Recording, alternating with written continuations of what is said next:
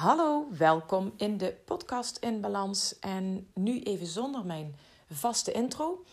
Want het is 2021 en ik had me voorgenomen om in 2021 de podcast in een nieuwe stijl te gaan opnemen. Hoe dat precies is, dat uh, is nog even een verrassing. En uh, wat ik vandaag in ieder geval hier nu met je deel, is een interview waarin ik zelf te gast was bij in de podcast van Astrid Davidson. Zij heeft de podcast Zon in je leven en zij hanteert de spreuk prima is perfect. Wat mij altijd enorm heeft aangesproken. En vandaar ook dat ik dit gewoon nu zo uit de losse pols opneem. En ook verder niet nadenk over, oh, daar moet eigenlijk nog een introotje voor en zoiets. Nee. Vanaf de eerstvolgende aflevering die jullie gaan luisteren, is er ook een nieuwe, uh, een nieuwe intro. Ik wil met een nieuwe intro gaan werken. Die moet ik nog opnemen.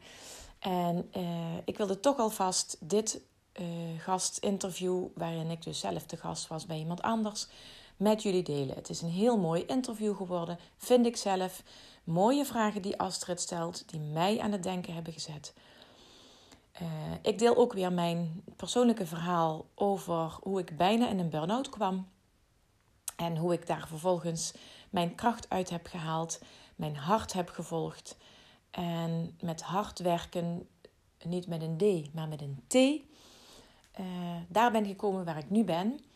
Na zeven jaar ondernemerschap. En uh, still, going, uh, still going on. Dus ehm, ik, ik, ben, ik ben in het afgelopen jaar ben ik ook weer enorm gegroeid als ondernemer. dat komt niet zo heel specifiek naar voren in dit interview. Maar um, je hoort wel van mij waar ik nu sta. En door een hele mooie vraag van Astrid hoor je ook waar ik mezelf over tien jaar zie staan. Dus ik wens je alvast heel veel luisterplezier met dit uh, gastinterview.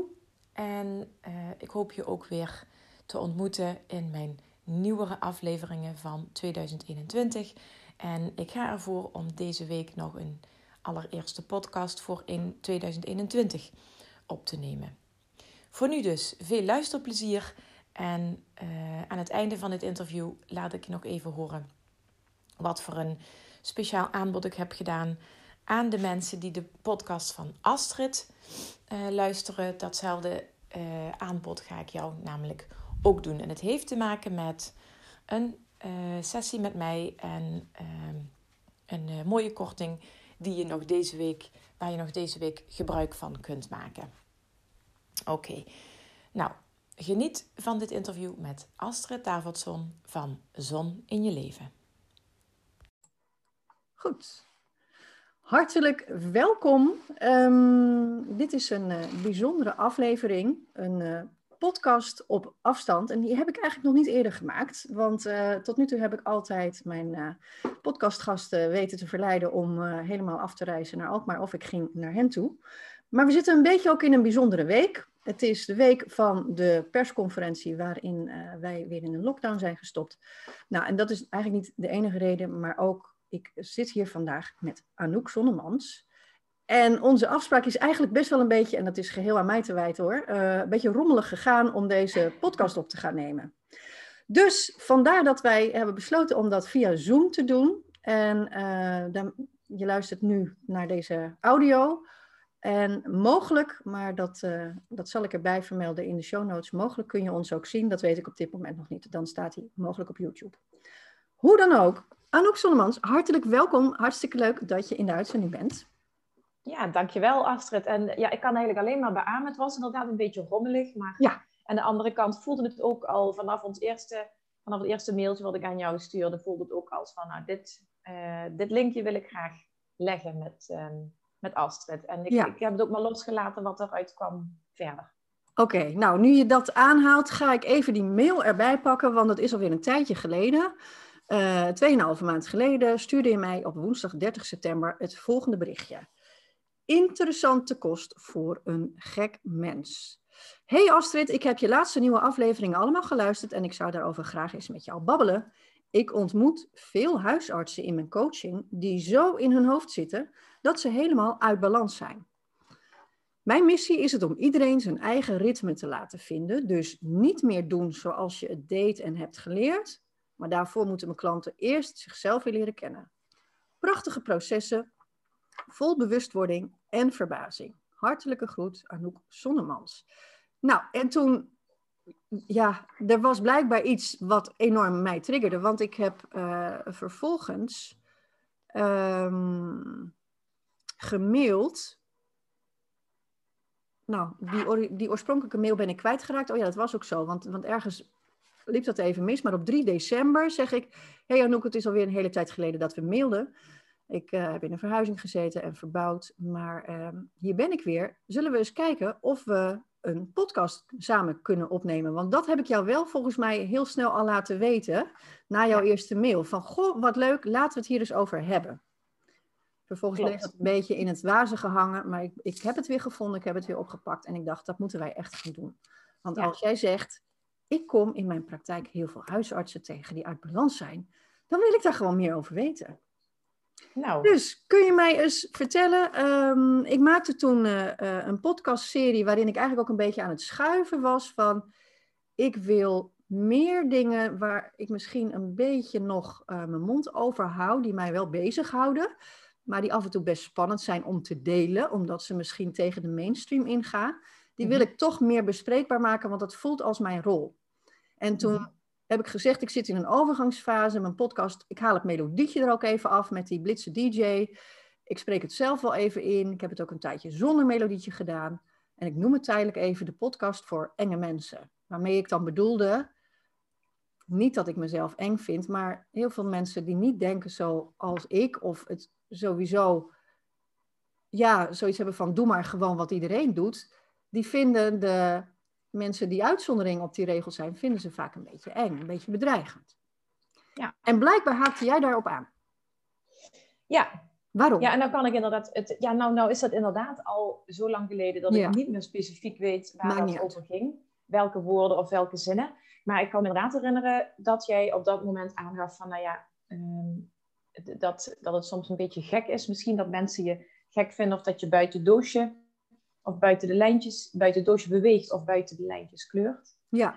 En uh, dat heeft, heeft, mij ook wel niet voor niks getriggerd, want ik ben zelf ook op zoek naar dat, naar, in, die in die transitie van braaf meisje en nu ook brave burger in die coronatijd, naar veel meer nog laten zien waar je in gelooft. En of dat nou zweverig is of welk etiket je daar ook op wilt plakken iets waar ik in geloof, dat wil ik aan anderen kunnen overbrengen. En dan is het aan de ander om daarmee te doen wat ze daarmee willen.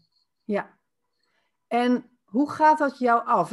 bij mij komt dan het woord op dat je eigenlijk ja, uh, je fuck it spier aan het trainen bent. ja. Maar dat is, is mijn ervaring, is niet altijd even makkelijk. Dat kun je wel zeggen van nou, uh, scheid, maar daarin kom je toch ook vaak wel jezelf tegen. Herken je dat ook of niet? Ja, dat is inderdaad wel heel herkenbaar.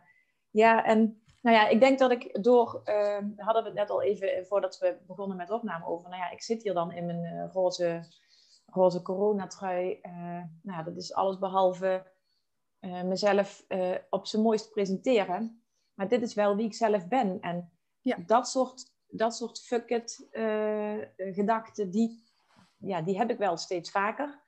En dat wil niet zeggen dat ik mezelf wil laten verslonzen, maar dit is wie ik me nu, zoals ik me nu voel. Ik wil lekker in mijn huis, nu we allemaal thuis zijn, ja, cozy voelen. En dat is dus ook wat ik laat zien. Ja. En toen je zei van, het is misschien ook op video, toen dacht ik heel even, oh, maar ik zit hier in mijn roze trui. Maar ik dacht ook heel snel weer, ja, fuck it. Ja. ja. Dus, en ik denk dat dat een, uh, dat is ook wel echt een leerproces. Um, en volgens mij elk leerproces gaat, met, gaat gepaard met succeservaringen en je, en je, je hoofdstoten. En hoe meer succeservaringen je hebt, hoe klein ze ook zijn, hoe meer je groeit ook daarin. Ja, ja.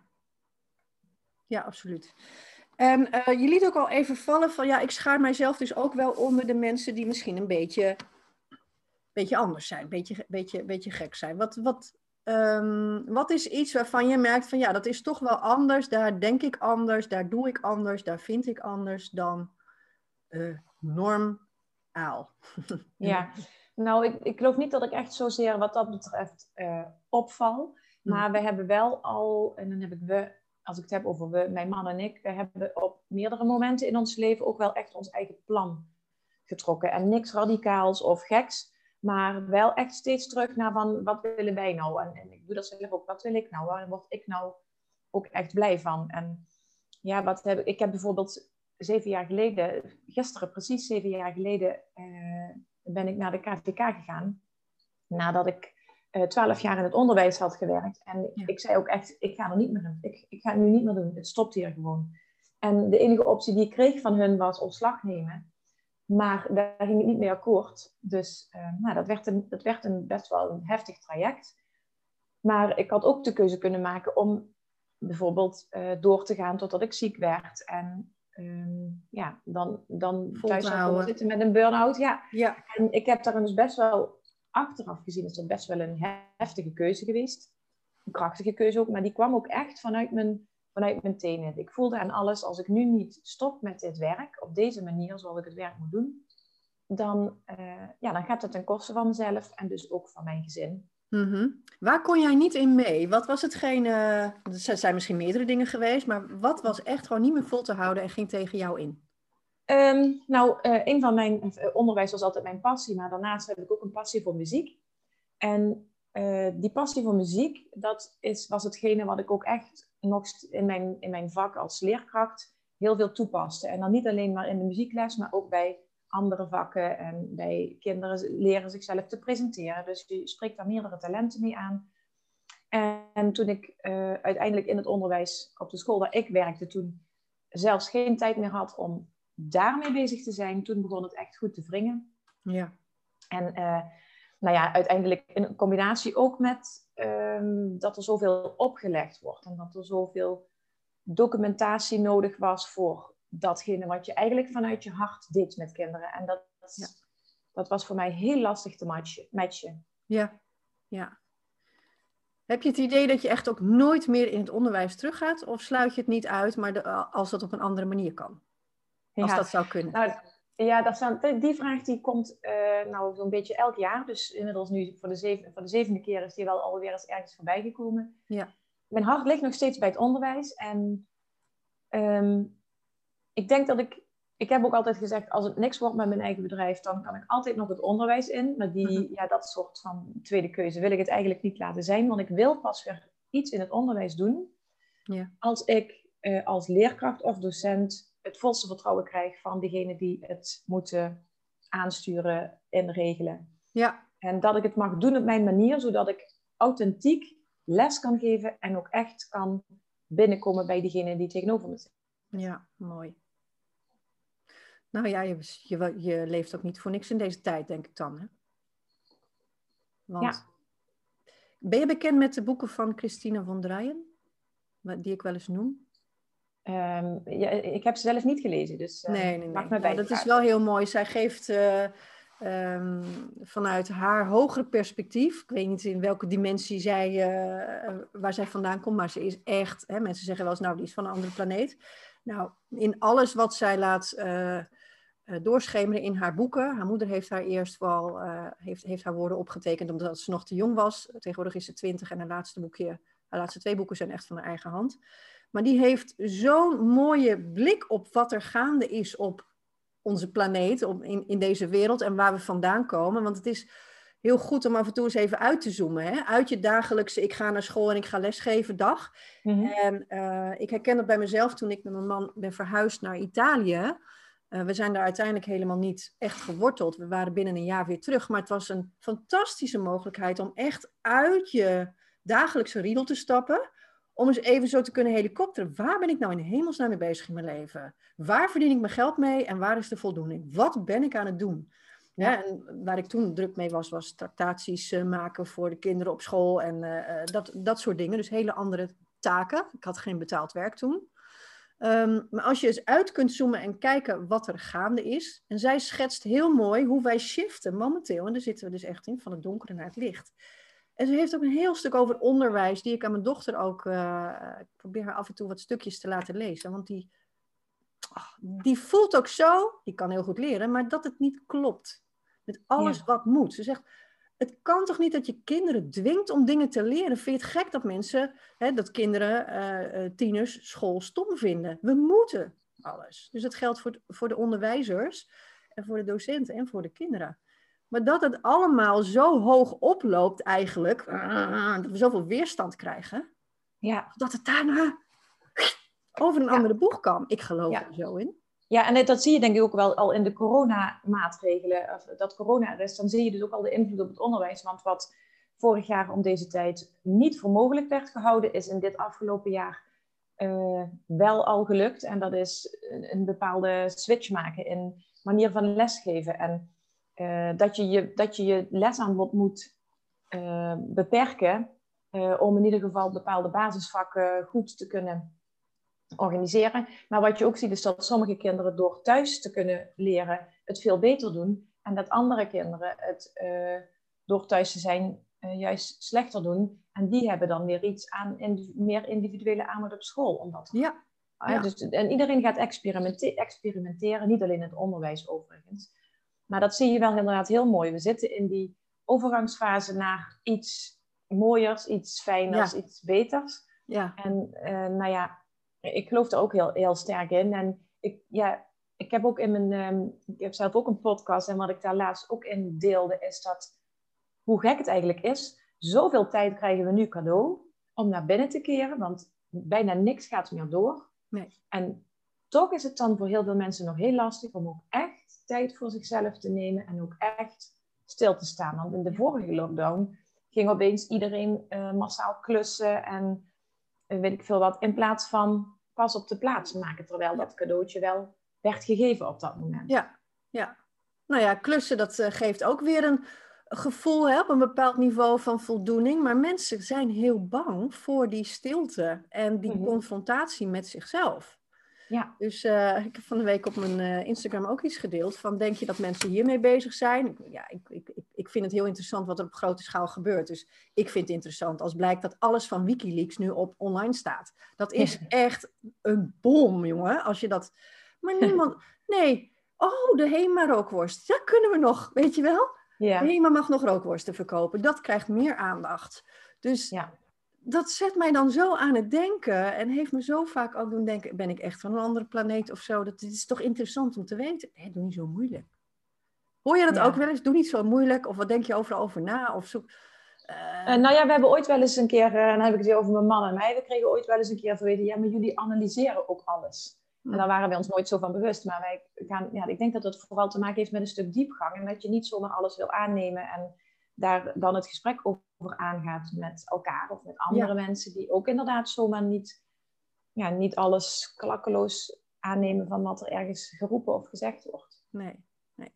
hey, nou even terugkomend, want ehm, het onderwijs, daar kwam een streep onder. Je, daar moest je weg. Ja. Dat, dat wilde je, op een of andere manier ben je daar doorheen gekomen. Niet de makkelijkste weg gekozen. Maar eh, er kwam een moment, gisteren dus zeven jaar geleden, van harte nog, Dank je. dat jij naar de Kamer van Koophandel ging. Ja, Kan je dat moment nog herinneren hoe je je toen voelde? ja eh, eigenlijk een beetje onzeker. Want ik dacht van, ja, wat heb ik nou eigenlijk te brengen? Dus Oh ja, ja. Het is heel, dit is wel een hele mooie vraag die je nu stelt. Want daar heb ik nooit zo op teruggekeken. Want nu denk ik er vooral op, op terug. Kijk ik erop terug met trots. Ja. Maar nu jij de vraag stelt, denk ik van, hoe voelde ik me echt? Ja, Ja, een beetje op de hoge ze zien mij aankomen. Ja, ze zien mij aankomen. Maar ook wel een beetje een soort van eh een leeuwinnen, leeuwinnenkracht. Zo van, ik ga potverdorie laten zien dat ik, eh, dat ik die eh, werkgever niet nodig heb om, om mijn werk goed te kunnen doen. Ja, ja, ja, al mooi. Ja. Nou, en toen ben je van start gegaan. Ehm, Ja. Als wat? Met, met, Ja. Ja, in het begin als, ehm, ging ik coaching en bijles combineren. En ehm, toen heette mijn bedrijf Bureau So Co. En So Co stond voor eh, schoolopvoeding eh, en, eh, en meer dus. Ja. Schoolontwikkeling, zo school, ontwikkeling en co. Dus in de zin van, er kan dus meer bij. ja? Ook met het idee van, dan kun, kan ik altijd nog uitbreiden. En mijn man die ging ook meedoen, die ging ook bijles geven. Maar al snel kwam het thema balans kwam steeds bij mij terug. Want dat was natuurlijk waar ik zelf heel erg tegenaan liep. Ja. In het begin. Dus dat vind ik heel natuurlijk. Als je opeens thuis komt te zitten, dat weet nu opeens iedereen ook hoe dat is. Dan moet je echt op zoek naar die balans. Dus eh, al snel ging ik ook inderdaad mij bezighouden met balanscoaching voor moeders.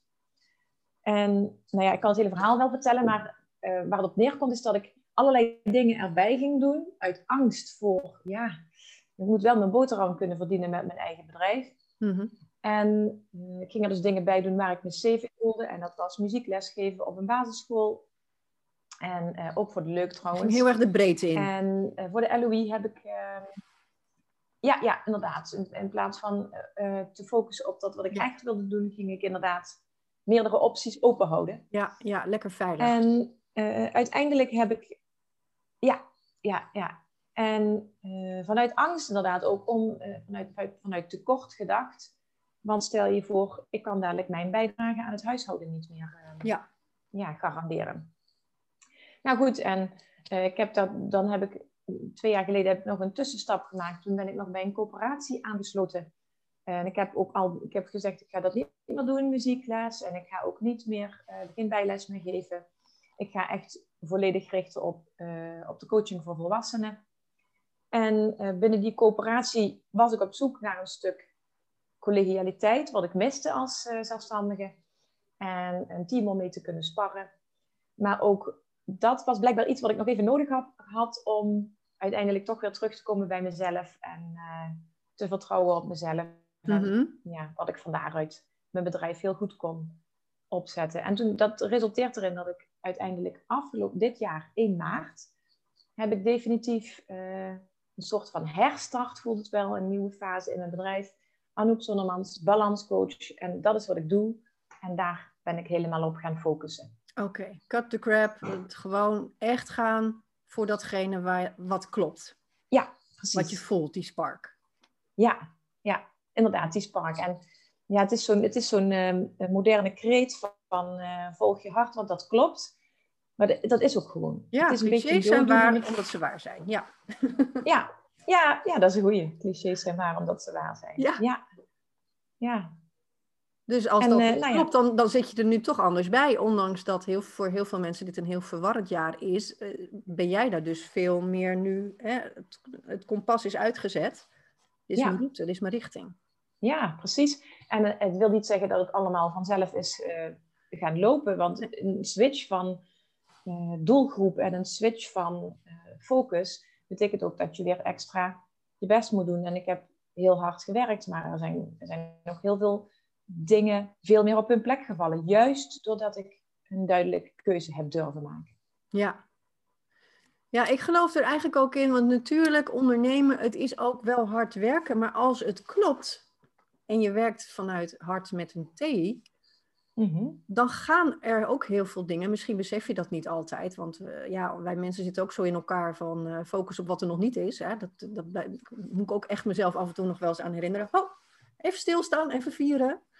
Ehm, maar dat er dan ook veel meer dingen toch moeitelozer gaan, omdat het de bedoeling is. Heb je die ervaring ook? Ja, want eh, dat is nou net wat ik nu aan het leren ben. Ik zit in een coachtraject bij een business coach. Zo wil zij zich niet noemen, dat is ook, zo voelt het ook niet. Maar een- het doel wat ik daar binnen heb gesteld voor mezelf in dat traject is moeiteloos en zorgeloos ondernemen. Ja. En eh, ik vertel mezelf ook het liefste dagelijks eh, wat ik, ja, hoe, ik wil, hoe, ja, hoe ik wil werken. En uh, elke keer, ik moet ook, word ook elke keer weer teruggefloten als ik denk in tekort inderdaad. Ja.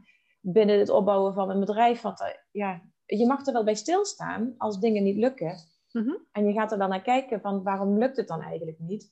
En nou, ik denk dat 90% terug te herleiden is naar mezelf waarom het niet Ja. lukt. En dat heeft dan te maken met gebrek aan vertrouwen of te veel het pad van iemand anders gevolgd in plaats van mijn eigen keuzes Ja. te maken. Ja, mooi. Ja, Mooi, mooi traject. Ja, het hebben van een eh, eigen bedrijf. Ik wist het niet toen ik in, wanneer ging ik naar de Kamer van Koophandel? 19, eh, nee, twee- eh, 2008. Tweede- ja, 2008 denk ik, 1 maart 2008. Ehm, maar geen idee dat het een heel eh, traject zou worden wat eigenlijk continu gaat over jezelf. ja, dat het bedrijf één afspiegeling is van waar jij staat. Inclusief, ik durf geen prijzen te vragen, ik heb geen klanten. Oh, moet ik de touwtjes aan elkaar knopen? Naar, oh, weet je, uh, wauw, het begint te stromen. Omdat het inderdaad binnen jezelf, omdat je dan uh, ja, het nodige innerlijk werk doet. En uh, dat dat één op één met elkaar verband houdt. Nou, dat had ik vijf jaar terug ook nog niet zo durven zeggen aan mensen. Ik denk van ja, ik geloof dat ik dat nu begin te ontdekken. Maar dat klinkt toch voor heel veel mensen wel zweverig. Dat je marketing niet loopt omdat je nog een issue met je vader op te lossen hebt. Ja. Weet je wel? Ja, ja, nou zo is die relatie soms. Ja, nou ja, inderdaad. Het is inderdaad... Ehm, uh, ik heb vanmorgen, dat ga ik gewoon ook niet nu hier delen, hadden we een mastermind call. En uh, ik had zo'n issue inderdaad van, ja, wat zal ik nou wel of niet die bedrijven uh, gaan aanspreken? En elke keer komen die bedrijven of organisaties weer op mijn pad. Ik denk, misschien moet ik daar maar iets mee. En ehm, uiteindelijk kwam uit een hele, heel fijn coachgesprek dan Ehm, wat is het wat je eigenlijk wil? Ja, eigenlijk wil ik gewoon dat mensen niet moeilijk gaan doen over dat ze een mooi traject bij mij zelf moeten betalen. Of dat ze, dat ze daar een bepaald bedrag voor moeten betalen. Ja, het is niet, het is, het is niet voor weinig geld, dat klopt. Maar ja, alle tijd die ik daarin steek, dat, uh, nou ja, dat is ook waarom je deze prijs daarvoor betaalt. En wat ik dus eigenlijk wil, is dat mensen niet moeilijk doen over die prijs betalen voor dat gedeelte, voor dat deel wat ik voor hun ga doen. Ja, dus ik wil helemaal niet dat ik wil helemaal niet bij bedrijven gaan uh, op bezoek gaan. Uh, ik wil juist dat mensen, dat klanten makkelijk betalen. Dus ik kreeg de opdracht om dat gewoon te bestellen ja. bij uh, www.universum.com. Ja. En ga maar, ik bestel klanten die makkelijk die prijzen betalen. Ja, ja. ja mooi. en als ik dat, en als ik dat dat kun je niet met iedereen zo bespreken, want dan voel ik me dus inderdaad wel een beetje een gek mens. Ja. Maar uh, nou, we ervaren hier in ons gezin regelmatig al heel veel mooie dingen door iets te bestellen of door dankbaar te zijn voor als er iets binnenkomt en te zeggen van, uh, nou ja, daar is nog meer van onderweg. There's more where that came from. Ja. En uh, vervolgens wint onze oudste dochter wint voor een heel jaar lang chocola. Kijk dan toch. Dan is wel toch gewoon de hemel op aarde. Ja, ja, en dan kijken ze mij ook helemaal verbaasd aan en zeggen van, ja, hoe kan dat nou? Ja, dat is wat je hebt aangetrokken. Ja, oh, daar kan je niet, niet vroeg genoeg mee beginnen, is, is mijn ervaring. Ja. Om, om kinderen dat ook uh, bij te brengen. Ik weet niet of je... Hoe oud zijn jouw kinderen? 15 en 12. Oké, die zijn dan wel wat ouder. Nou, nog even een tip voor uh, luisteraars of kijkers. Um, ze was ook eerder in mijn uitzending, maar iemand die daar natuurlijk heel erg in uh, thuis is, die ook in het onderwijs heeft gezeten. En heel leuk is om dat ook aan kinderen uit te leggen. Of aan ouders met kinderen, en zeker ook in deze coronatijd. Lou Niestad, ga die volgen. Uh, die weet alles over bestellen bij het universum en maakt echt hilarische filmpjes op Instagram. Uh, daarover. Echt heel beeldend met allemaal materiaal en muziek en instrumenten en haar kleinkinderen erbij. Geweldig. En die leert haar kleinkinderen echt vanaf de wieg ook ongeveer nu uh, hoe dat werkt. En die heeft de leukste uitdrukkingen en afkortingen. Dus ga haar zeker volgen als je haar nog niet kent. Zeker als je kinderen hebt. Leuk. Ja, ja. met DT. Goed, dat even terzijde. Um, nou was ik heel benieuwd, want dat was eigenlijk ook de reden dat ik dacht, we moeten sowieso eens even podcasten. Jij hebt je bedrijf, uh, je hebt je eigen ervaringen, bijna burn-out las ik ook op je website. Nou, met je verhaal over het onderwijs en zo kan ik me voorstellen dat dat toen allemaal niet zo stroomde en dat je echt aan het eind van je Latijn was. Um, maar jij gaf aan in die mail, ik kom dankzij mijn werk in contact met veel artsen ik had het blijkbaar in die podcast ook over artsen en over nou ja, hoe je tegen corona aan kunt kijken. Veel artsen uit balans. Ja. Vertel daar eens wat over. Hoezo kom jij die mensen tegen? Moet jij elke, dag, elke week naar de huisarts? of is dat anders? Nee, nou ja, het is, uh, het is eigenlijk gewoon een. Uh, um, het is via de, hoe heet dat? De arbeidsongeschiktheidsverzekering. Die biedt coaching aan uh, diegenen die bij hun verzekerd zijn zoveel, een bepaald aantal uren per jaar waar ze recht op hebben om te voorkomen dat mensen ziek worden. Dus het is eigenlijk een, uh, nou ja, ik zou bijna zeggen, het gaat eigenlijk om geld. Dat ze daarin aan de voorkant investeren, maar dan op een fijne manier. Hè? Dus het is een stuk burn-out preventie. Ja. En op, ja, dat, dat is een, een bepaalde verzekering waarbij dus blijkbaar heel veel medische medisch, ja, medisch personeel is aangesloten. Ehm, dus het grootste gedeelte daarvan, van de mensen die ik via die weg bij mij in de praktijk krijg, zijn huisartsen. Oké. Dus die volgen die trajecten en jij, jij bent een van de mensen die die trajecten geeft? Ja, ja. ja. En ze hebben dus recht op uh, zes uur uh, per jaar. En uh, dan komen ze bij mij inderdaad voor de eerste keer. En dan zeg ik altijd van, nou ja, kijk maar hoeveel... we beginnen nu gewoon. En ja, ehm, wat kan ik voor je doen? Mm -hmm. En dat is dus geen vooruitgestippeld traject. Dat is echt gewoon... Dit zijn, ja, je hebt zoveel uren recht op die coaching. En ja. uiteindelijk komt het er dan op neer dat ze die zes uur ook volledig opmaken bij mij. Omdat ze in zo'n... Ehm, ja, in zo'n veranderingsproces komen waarvan ze, waar, wat ze ook eigenlijk niet meer los willen laten op dat hmm. moment. Oké. Ja, en het is wel grappig dat je zegt van, hoe, ja, um, hoe kan het nou dat zij zo uit balans zijn, of, of, wat opvallend dat zij zo uit balans zijn. En dat was het voor mij eigenlijk ook, dat ik dacht van, hè? Wat heb ik nou een huisarts te leren, dacht ik. De eerste keer dat ik een uh, huisarts voor me kreeg, van wat heb ik haar nou te leren? Overigens zijn het uh, tot nu toe allemaal vrouwen. Oké. En uh, wat heb ik aan nou te leren, dacht ik. En nou ja, binnen de eerste keer werd me al duidelijk. Ik heb iemand gewoon weer, weer, een van mijn dingen, op een bepaald voetstuk gezet. Vanuit mijn perspectief heb ik diegene een soort van alwetend en ja.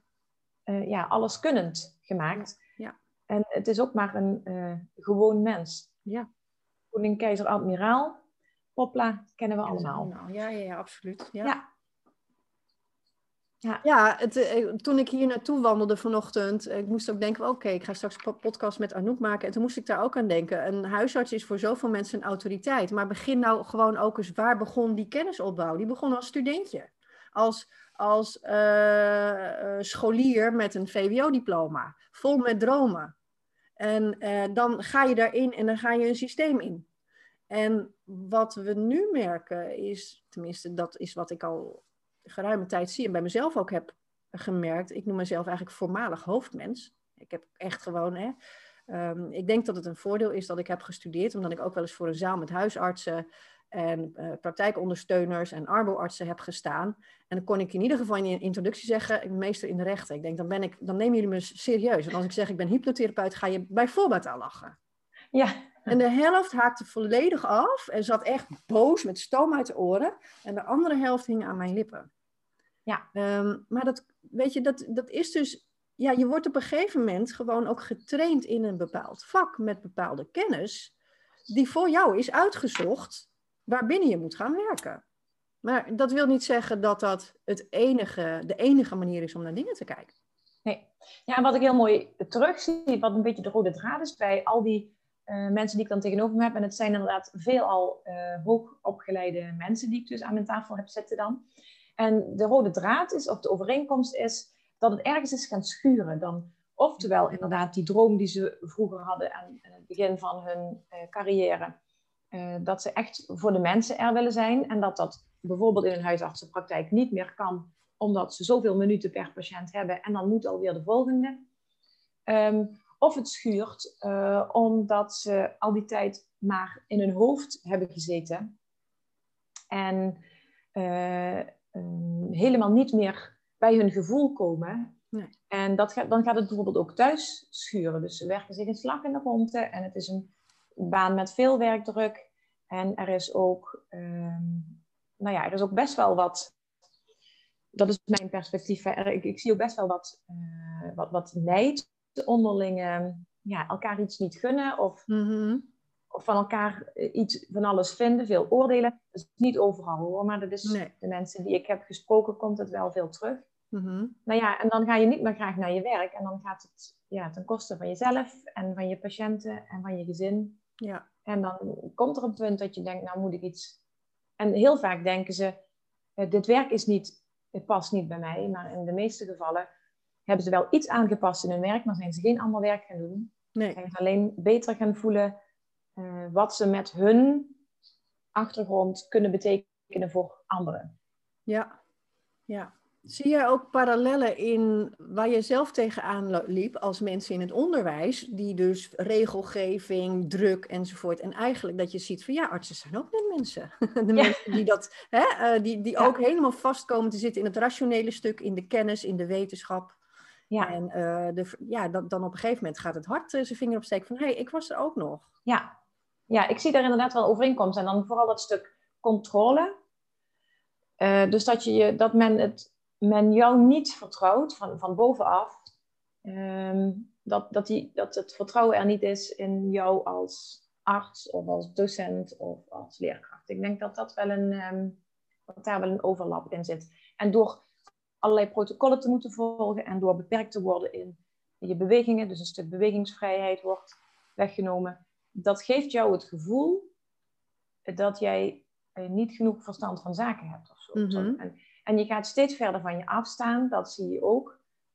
Uh, dat is ook wel een overeenkomst, dat de mensen steeds verder van zich af gaan staan. En dan, ook, ja, dan krijg je dus inderdaad die balans. Hè? Dan ga je helemaal uit balans. Ja, ja. Ja, interessant. Ik vind het met name zo interessant omdat artsen dus voor heel veel mensen toch zo'n zo enorme standing nog wel hebben. Uh, hè, toch echt een autoriteit zijn en doe maar een witte jas aan en spreek maar uh, deftige woorden. En oh, je bent meteen al in een soort hypnose. Daarom is het ook niet voor niks dat er wordt gezegd als je naar een uh, arts moet voor een bepaalde uitslag, neem iemand mee, want je hoort gewoon niet wat iemand zegt. Je bent zo onder de indruk van alles. En vind jij dat niet ook, heb je, ja, waar ik dan nu aan moet denken, ja. Heb jij niet ook wel eens een ontmoeting gehad met een arts of een medisch specialist die het heel anders deed en dat je dan echt dacht van, oh, wat, dit is ook gewoon een mens. Dus ik heb wel eens, ik heb wel eens zo iemand ontmoet ja. die dan een grapje maakte of, uh, ja. doe maar gewoon en doe je gek genoeg. Dat, die uitstand. Ik heb uh, toen gesproken op, uh, op een lezing. Er was een bedrijfsdag voor, voor, georganiseerd vanuit een arbeidenorganisatie met met de mensen die daar werkten. Dus veel, veel artsen, uh, doktoren en ondersteunend personeel.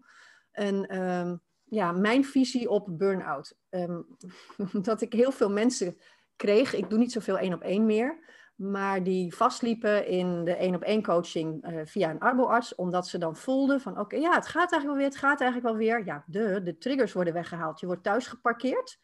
Een tijdje mag je niks doen. Maar alleen al het ge gevoel over drie dagen gaat mijn leidinggevende weer bellen. Dan, dan hingen ze alweer met een paniekaanval uh, aan de lijn van, nou, ik geloof dat het toch nog niet helemaal over is. Dus daar wilde ik heel graag wel wat over vertellen. Van, wees je bewust dat als je niet naar de kern van het probleem gaat, dan kan je wel zeggen, je mag een tandje minder en we gaan iemand bijzetten die gaat jou helpen je grenzen aangeven. Dat is niet hetzelfde als iemand in contact brengen met liefde voor zichzelf, zodat hij zelf die grenzen kan aangeven. Ja. En toen heb ik ook het hele H-woord gebruikt. Hypnose.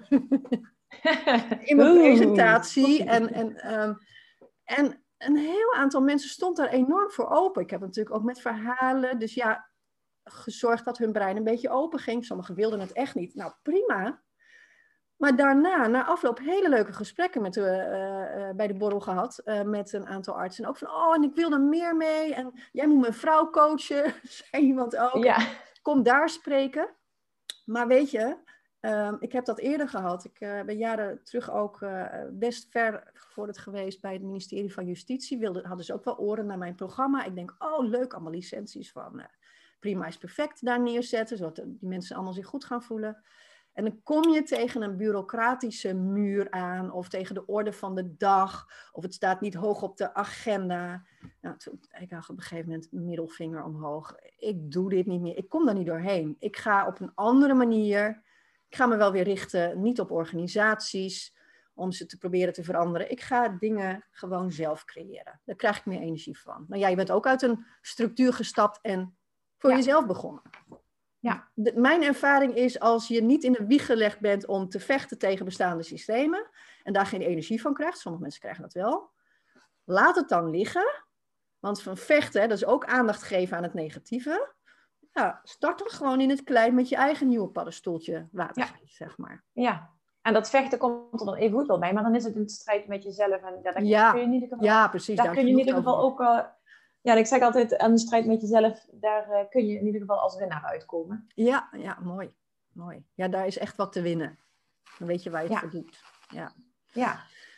Ja, dus echt heel interessant. Heb je wel eens gehoord van, god, hoe heet ze nou ook alweer? Ik, Marije, de eerste medicijnvrije huisarts van Nederland. Heb je die wel eens voorbij zien komen? Zo Heb ik wel eens voorbij, ja. Ja, ja, dus inderdaad ook een huisarts. Ik volg haar nu niet meer, maar ze is wel volgens mij nog steeds heel actief om mensen ook te vertellen van jongens, eigen gezondheid. Weet je, ik ben huisarts, maar ik word helemaal ziek van het systeem waarin ik mee moest doen. Dus ze is er nou ook echt uitgestapt en uh, die vaart helemaal de eigen koers. Maar die maakt ook wel duidelijk wat een dappere beslissing dat is, omdat je al je vakbroeders tegenover je hebt.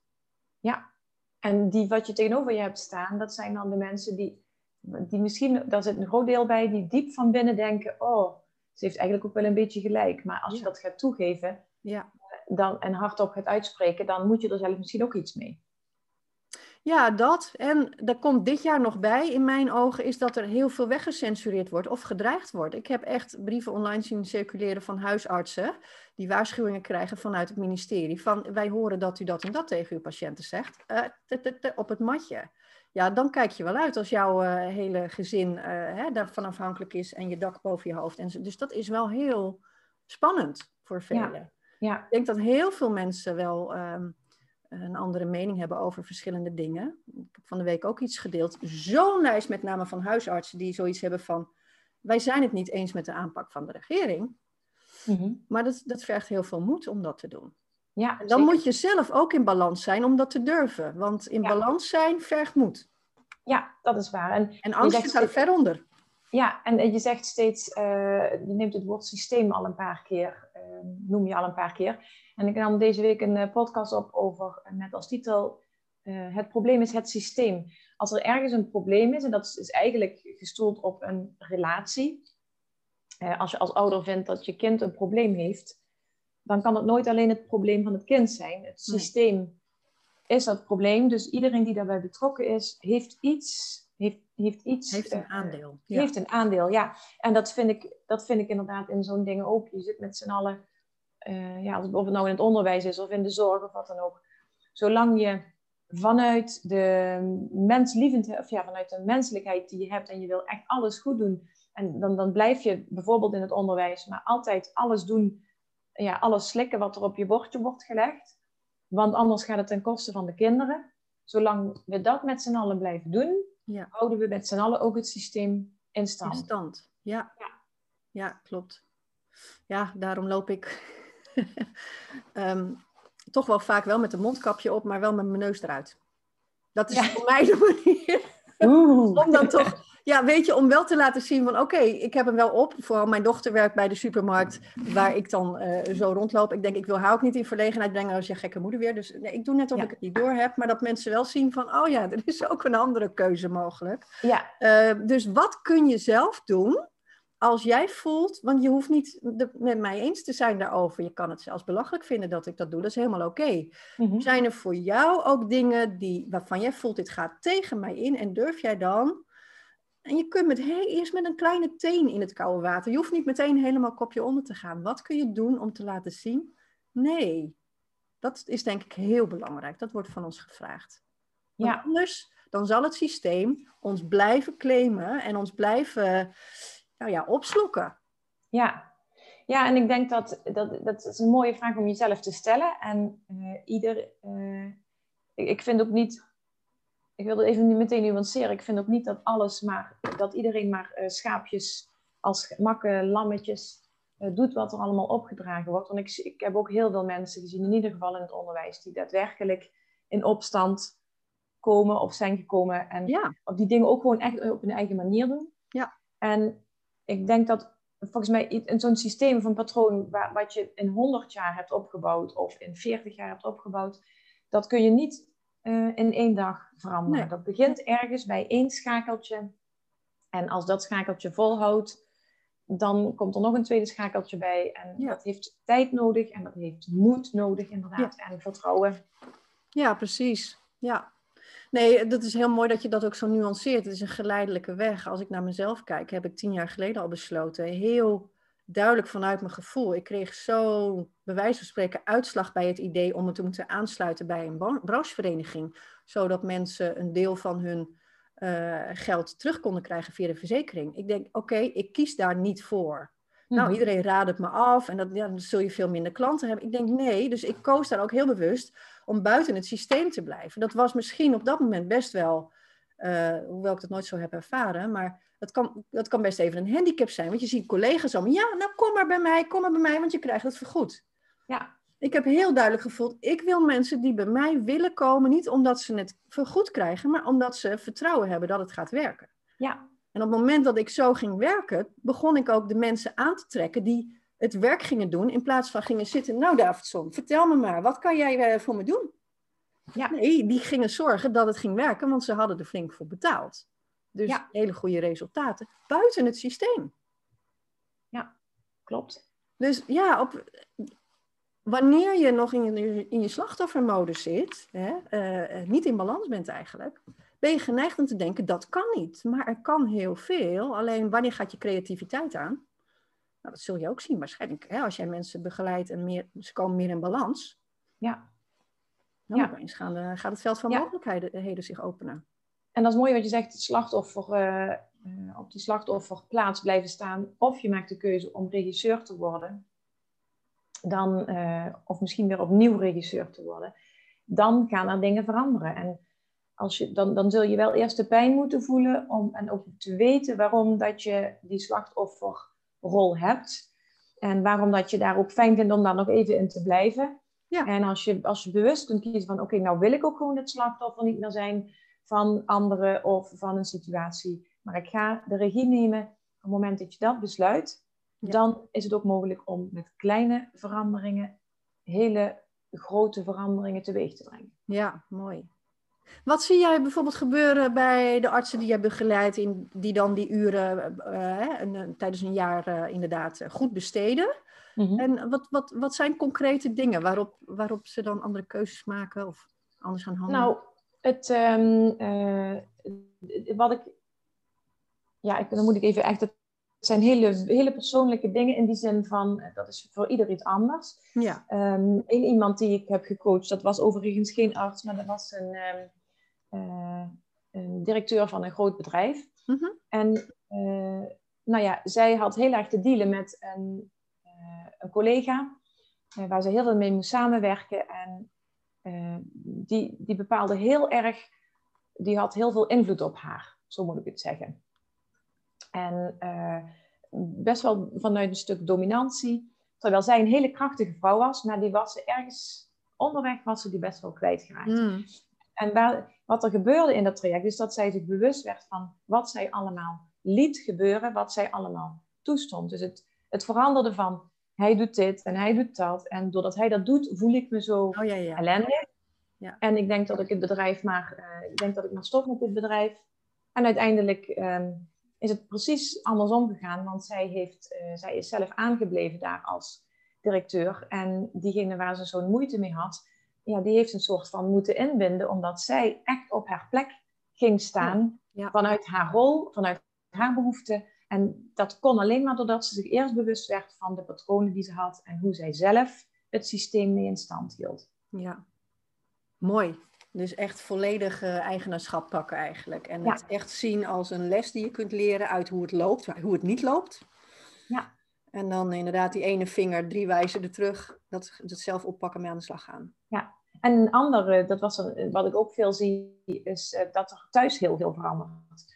Waarbij, eh, zeker, zeker als je te, te maken hebt met vrouwen, dat zie ik bij heel veel vrouwen gebeuren, omdat ze zich overal verantwoordelijk voor voelen, eh, op hun werk, eh, maar ook eh, voor het huishouden, maar ook voor de agenda van de kinderen. ehm, en eh, nou ja, eigenlijk alles. Ja. En dan ook nog een stuk mantelzorg erbij bijvoorbeeld. En, eh, en, dan, en dan ook wijzen inderdaad naar, ja, maar die kinderen van mij, die doen ik zelf. En eh, Ja. mijn man, die eh, ziet niet wat er moet gebeuren. Totdat ze zich realiseren dat zij zelf degene zijn die dat allemaal maar in stand houden.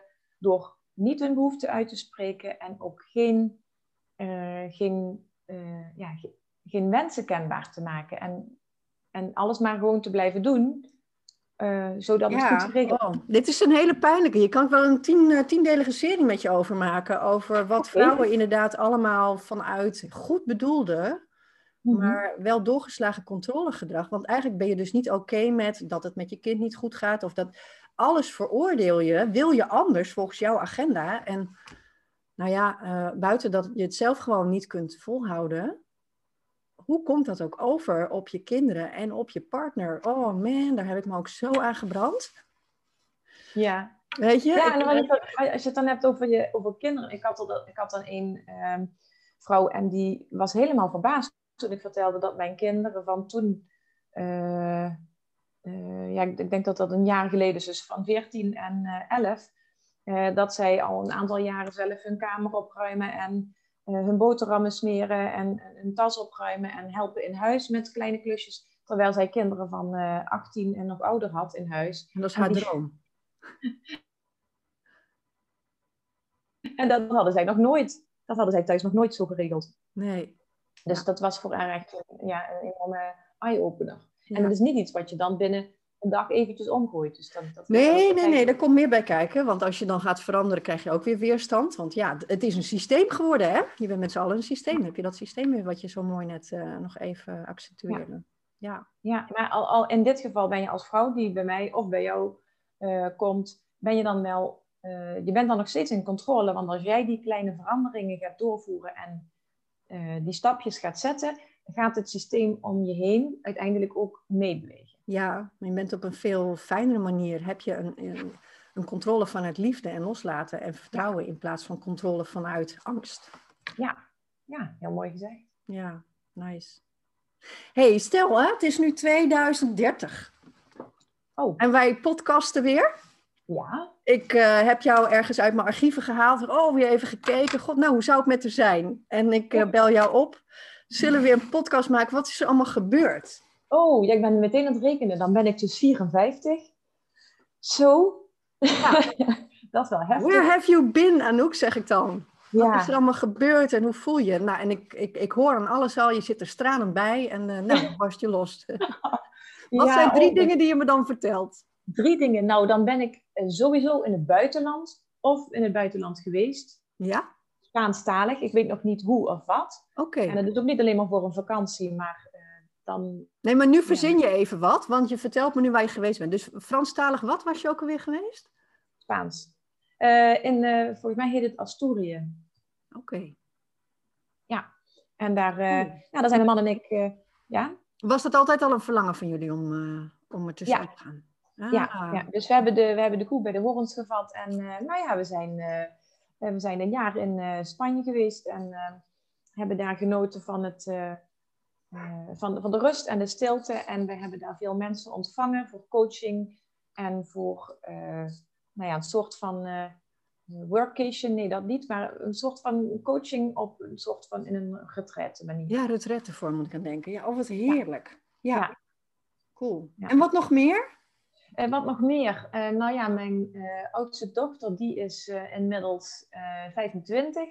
En nou ja, ze heeft in ieder geval een hele leuke vriend. En nou ja, die komen dan met z'n tweeën, komen, zijn zij er dan ook bij met, met de feestdagen. Ja. En nou ja, met mijn bedrijf gaat het, is het zo goed gegaan de afgelopen tien jaar... dat ik echt wel bepaalde dingen heb moeten laten vallen. En dat ik ook een aantal mensen in heb kunnen schakelen die uh, met mij meewerken. Oké, uh, okay, je hebt echt je eigen team eh, opgebouwd. Ja, ja. Heerlijk. Om een missie, missie uit te dragen. Ja. En wat, wat is je missie? Is die nog onverantwoord of is daar wat bijgekomen of is die scherper geworden de afgelopen tien jaar? Um, nee, die is hetzelfde gebleven, want het begint bij jezelf. Goed zorgen voor jezelf, zodat je ook voor de ander kunt zijn. Ja, mooi. En is je website nog steeds hetzelfde? Nee. nee. Nee, die past okay, dan gaan we nu even de website noemen van 2020. ja, leuke vragen. Echt heel, heel mooie vragen.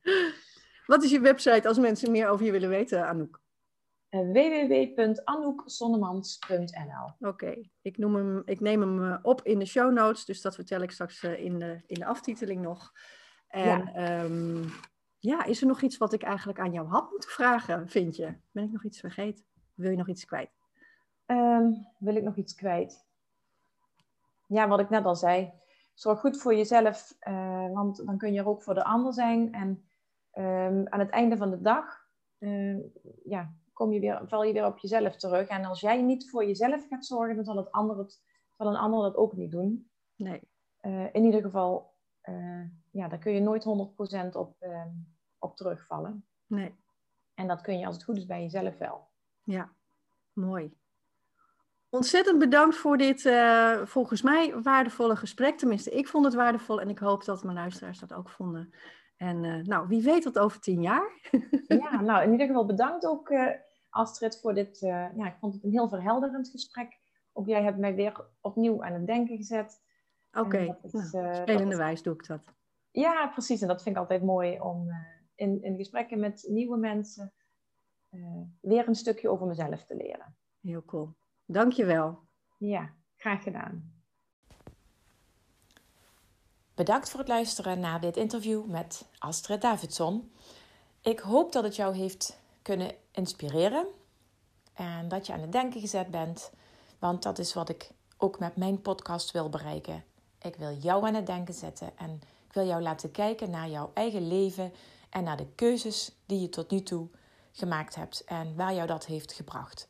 En dat brengt jou misschien op het punt waarvan je denkt: Nou, ik ben dankbaar voor alles wat mij overkomen is. Of ik ben trots op de keuzes die ik gemaakt heb en de stappen die ik heb gezet.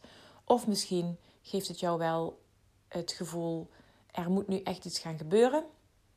Ik kan uh, zo niet doorgaan. Het is tijd om veranderingen door te voeren. Nou, laat mij dan jouw coach zijn daarin en uh, Ga meedoen volgende week aan de Kies voor Jezelf Week. Die begint op 11 januari. Je hebt nog een paar dagen de tijd om je daarvoor aan te melden. En zoals ik al bij de intro zei, ik heb een speciaal aanbod. Namelijk, als je deze week nog de impact, sessie, de impact scan invult, dan krijg je van mij ook een gratis impact sessie. En iedereen die de impact scan en impact sessie heeft uh, gedaan, mag, uh, krijgt nog 10 euro korting op de Kies voor Jezelf Week. Hij kost op dit moment 59 euro. Maar als je deelneemt, uh, als je de impact scan en de impact sessie dus gaat doen, dan uh, ga, krijg, je dus, krijg je dus die Kies voor Jezelf Week voor 49 euro. Als je wil weten wat de Kies voor Jezelf Week allemaal inhoudt, dan kun je even kijken op mijn website www.anoukzonnemans.nl onder het kopje Kies voor Jezelf Week. En waar het in ieder geval heel kort op neerkomt, is dat ik een week lang jouw coach op afstand ben. En jou ga helpen om de eerste stappen, kleine of grote stappen, naar verandering te zetten. Ik heb er ontzettend veel zin in. Ik ben er weer helemaal klaar voor. En dit wordt nog toffer dan de eerste versie van de Kies voor Jezelf Week. Want we gaan nog dieper in op wat jij wil gaan veranderen.